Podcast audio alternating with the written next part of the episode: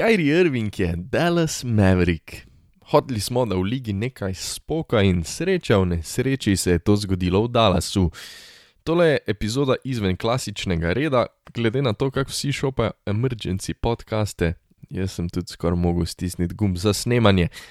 Danes torej tale epizoda namenjena izključno pacijentu iz Brooklyna in franšizi Dallasa, plusi, minusi in Mount Everest vprašajev.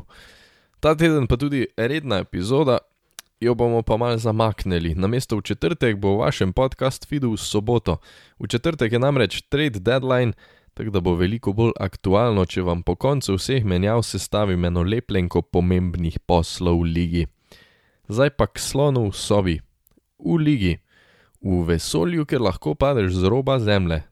Kyrie Irving je necom rekel, da nima absolutno nobenega plana podaljšati v Brooklynu, tako da ga naj tredejo pred četrtkom ali pa poleti gre, ne da bi zanj dobili karkoli. Brooklyn ni rabu dolgo, da so najdli željenega partnerja, na koncu se je za takšnega izkazal Dallas.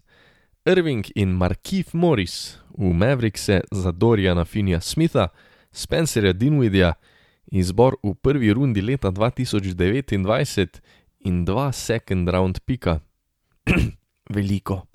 Dallas je probal, malo celo deluje, da izobupa, ampak stavo je že tone na neverjetno nepredvidljivega žrebička. Neverjetno veliko so tvegali v upanju na noro nagrado na pik Kajrija, na obljubo njegove igre in teoretičen dvojec, ki bi ga z luko lahko tvorila. Zelo high risk, very high reward. Posledično se je, če zamežimo na obe očesi, izjemno lahko nahajpati za tale trade, če ga ocenjujem v luči dogodkov, ki jih je kaj zakuhal, paketa, ki so ga zanj poslali, ob dejstvu, da je pod pogodbo še sam pol leta, torej do podletja, je treba verjetno tale trade objektivno označiti za malo paničen in panično v ligi NBA ponavadi ni dobro. Ni debate o tem, da je Dallas zdaj boljši kot pred tradom. Kajrijevi problemi ležijo predvsem v njegovi muhavosti, v situacijah izven igrišč. Na samem parketu je pošast, en najboljših branilcev desetletja, verjetno tudi Hall of Famer. Ravno v zadnjem newsletterju sem ga dal v najatraktivnejšo peterko lige, imate link do tega članka v opisu. Kajri je na igrišču bist, ampak Mavsi so dali dva precej pomembna roleplayerja, predvsem Fini Smith je poosebljena obramba Dallasa, najbolj pa me motijo tisti izbori. Druga runda ok, first round pick je pa po moje preveč. To je tisto tveganje, podobno kot za Kristapsa Porzingisa, ki je hendikepiral Mavse za kar nekaj let, na igrišču pa preprosto ni mogel ostati. Pomemben del svoje rotacije so dali za šest mesecev posoje Kyrija Irvinga in absolutno nihče ne ve, kaj se bo zgodilo poleti, pri njemu praktično nihče ne ve, kaj se bo zgodilo prihodnji teden. V Brooklynu je v teh treh letih in pol s Kevinom Durantom odigral le nekaj več kot 70 tekem, pa je največ, daleč največ manjkal zaradi družbeno-političnih izpadov. Mavsi so torej močno tvegali, dali dva igralca, kar me pač ne moti, ker se je pravzaprav videlo, da s trenutno ekipo ne morejo realno konkurirati za naslov, izbori na naboru pa so zame tisto, kar pretehta na preveč riskantno stran. Sploh ker se verjetno tudi s to menjavo niso zavihteli v samo središče favoritov za naslov. Dallas je zdaj čisti napad, upali pa bojo, da lahko Kliber, ko pride nazaj, Powell, Josh Green prevzamejo zadosten del obrambnega bremena. Veliko je slabih stvari, ne, to je dejstvo, ampak tisti high reward tega trada je pa tudi nedvomno zelo visok. Ceiling, strop potencijala ekipe se je dvignil za krepko več kot nadstropje, in če zapremo vsaj eno oko, na svet pogledamo z pozitivne strani, Rečemo, da Kajri pri Mavericksih ne bo mešal dreka, da se ne bo že prvi mesec skregal z Luko, trenerjem, vodstvom, da poleti podaljša. No, pol si dobil All-Star starterja, bolanega igralca, ki tvojo franšizo dvigne na nov nivo in si dejansko nekaj manjših, kvalitetnih potez oddaljen od potegovanja za naslov prvaka.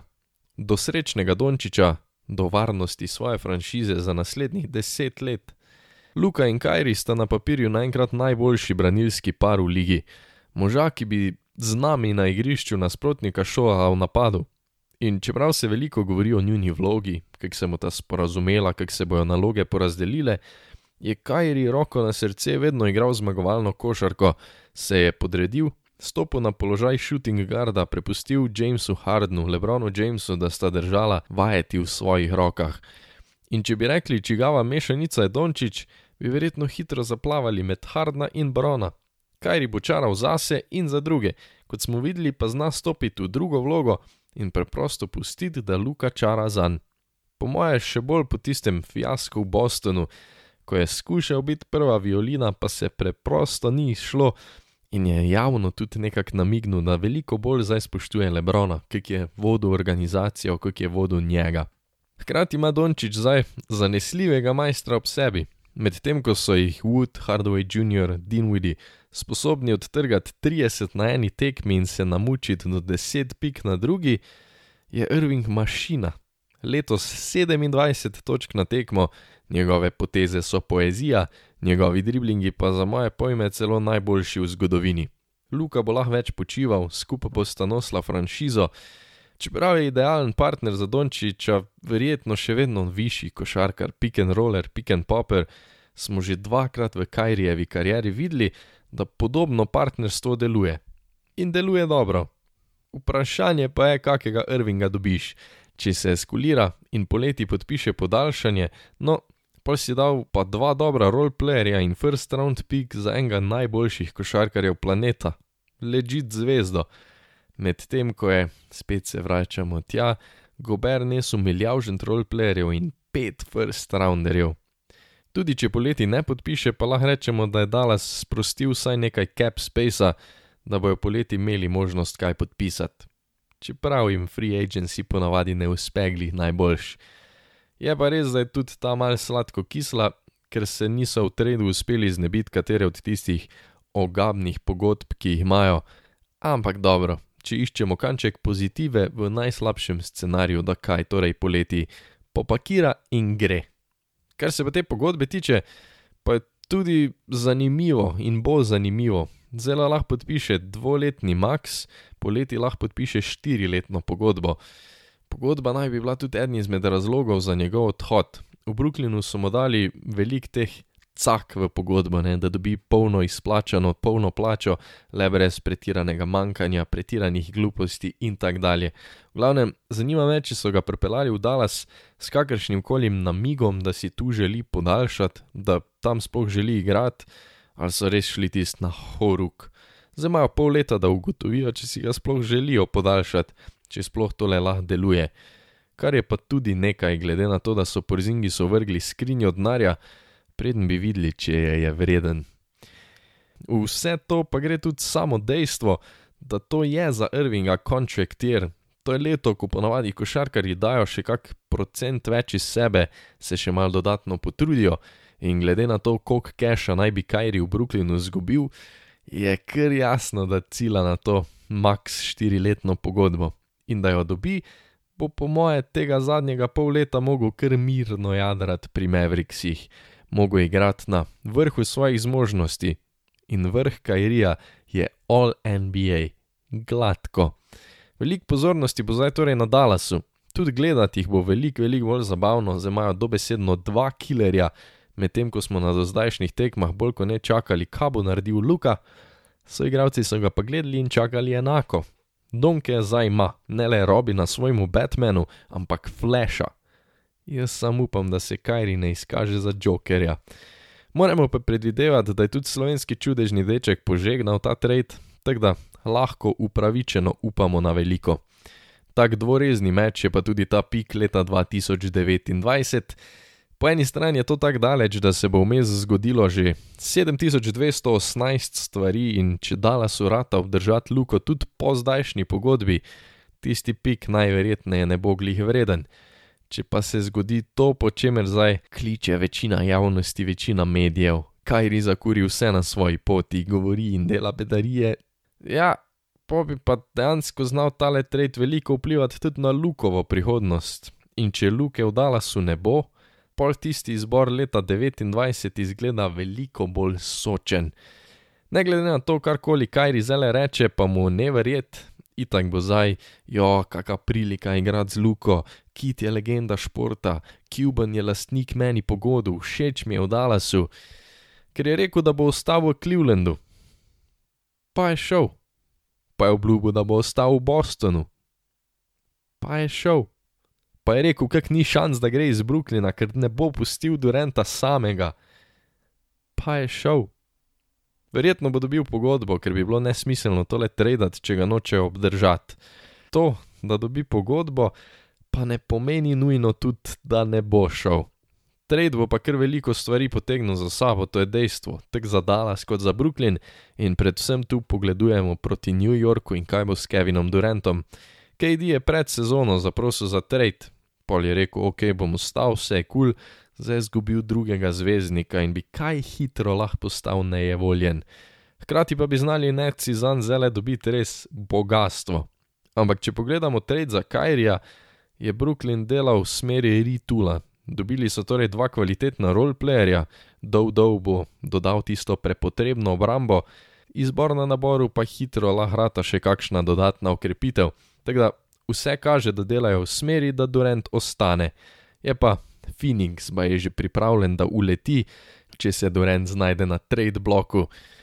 Je pa iskreno, po mojem, to malo težko pričakovati, glede na to, da take menjajo vse narabijo cajt pogajanja, smo pa dva dni pred rokom. Bomo pa videli, kako bo poleti, bi se hitro znalo kaj spremeniti. Kar se tiče Dallasa, pa so več kot očitno šli all in. In ni nujno, da so zdaj že končali. Ne vidim več kapitala za nek res ubijalski trade, pik imajo le še en, košarkarja z največ privlaka sta zdaj šla, torej, če ne štejemo tistih mladeničev, ki jih Cuban in Kid želita obdržati. Nujno me vsi rabijo zdaj obrambo, to je dejstvo, rabijo enega wing defenderja, ki tvojo obrambo dvigne na spodoben nivo. Kje ga bojo dobili je vprašanje, se pa baje ponuja Robert Covington iz LA Clippersov, ki bi znal biti solidna ukrepitev, 3D guy. Tybull iz Filadelfije je tudi na voljo, ampak ima absolutno nič napadalne kapacitete, tako da težko uh, ostane na igrišču, kljub temu, da je nor, nor, nor obrambnjak. Verjetno bojo torej iskali v Dallasu wing obrambo, mogoče pa jo bojo iskali tudi s Chrisom Woodom. Wood je prišel v Dallas in odšpilal dobro. Verjetno je celo druga violina moštva, je napadalno zelo sposoben, kot je zdaj že malo v skladu z Mavsi, pa obrambe ni ravno preveč. Na mizi ima Wood baje ponudbo za podaljšanje pogodbe, ni je še sprejel, ker misli, da si zasluži boljšo. V tem primeru ne, da ne podaljša, se ga probably splača obrniti zdaj, preden ga poleti izgubiš za stojn. Ni ravno tisti vrhunski menjalni žeton, je pa več kot dober in s pravimi partnerji bi znal zanj iztržiti veliko. Dvomim, da imajo dosti, ne vem niti kaj dejansko bi lahko ponudili Torontu, ampak če bi Dallasu uspelo Uda obrniti za OG-ja in Nobija. Ja, pomaš pa ležit kontenderja, OG je napadalno dober, obrambno odličen, z Luko in Kajrijem ubijalska kombinacija, ampak tega ne glih pričakovati, torej ne pričakovati trade za OG-ja, ker lahko druga moštva sestavijo krepko boljše pakete. Zadnja stvar, ta je pa čisto frišna, še topla. Treba se dotakniti mladcev v Dallasovih vrstah, ker sta dva pomembna člena rotacije pomahala Dio, Dinuidija in Finja Smitha več ni, no to pomeni nekaj več priložnosti za mlajše majstre, ki so željni dokazovanja. Josh Green in Jaden Hardy sta imela danes po noči oba po 29 točk. To je noro, ekipo sta pripeljala celo do zmage proti Utahu, brez glavnih adutov, brez tudi Dončiča. Green je dober obrambni košarkar, kar bo ključno v rotaciji, Hardy bi zdaj lahko prevzel vlogo tretjega ball handlerja, pospešil svoj razvoj. Če bo ta peba igrala takle, pol je Dallas nepopisno boljši. Jaz osebno še pričakujem kaj na njihovi fronti. Mislim, da bojo probali pripeljati še kakšnega obrambno naravnanega košarkarja, ne rabi biti zvezda, ampak dovolj, da ob že obstoječih mevsih tvori vsaj spodobno obrambo je pa ne na zadnje tudi drugi prišlek v tradu, Markiv, slabši od bratov Morris, kao obrambni košarkar, čeprav ga letos v Brooklynu nismo veliko videli. To je moje mnenje o tem tradu. Vesel sem, da se stvari dogajajo, če nam je zgodovina kaj v nauk, se ne bo izšlo glih po Dallasovih načrtih. Kot rečeno, naslednja epizoda v soboto, ko se dotaknemo še drugih menjav, ki se bojo, upam, zgodile do četrtkovega ligaškega roka.